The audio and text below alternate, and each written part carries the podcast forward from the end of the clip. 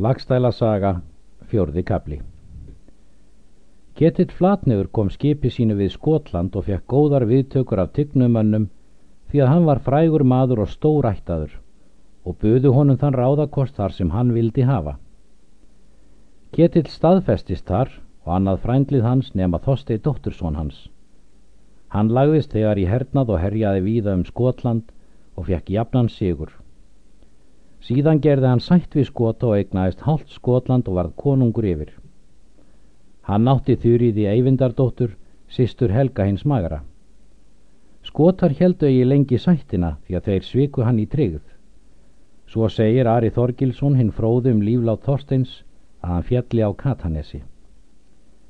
Unnur djúbúðga var á Katanesi er Þorsteit fjall són hennar og er hún frá það að Þorsteit var látin en fadur hennar andar þá þóttist hún þar enga uppreist fá myndu.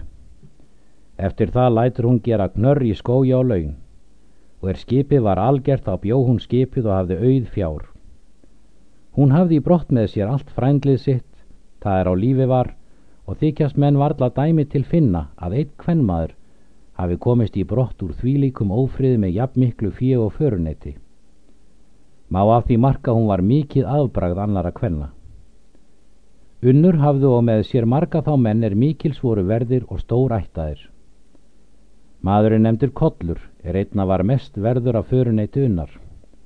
Kom mest til þess ætt hans. Hann var hersir að nafni. Sá maður var og í ferð með unni er hörður hétt. Hann var enn stórættaður maður og mikils verður. Unnur heldur skipunni í orknegar þegar er hún var búin. Þar dvaldist hún litla hríð. Þar gifti hún gró dóttur Þorsteins Rauðs.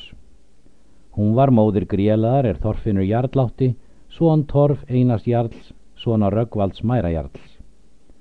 Þeirra svon var hlöðvir fadir Sigurdar Jarls, föður Þorfinns Jarls og er þaðan komið kín alla orkneinga Jarla. Eftir það helt unnur skipi sínu til Færeja og átti þar enn nokkur að döl.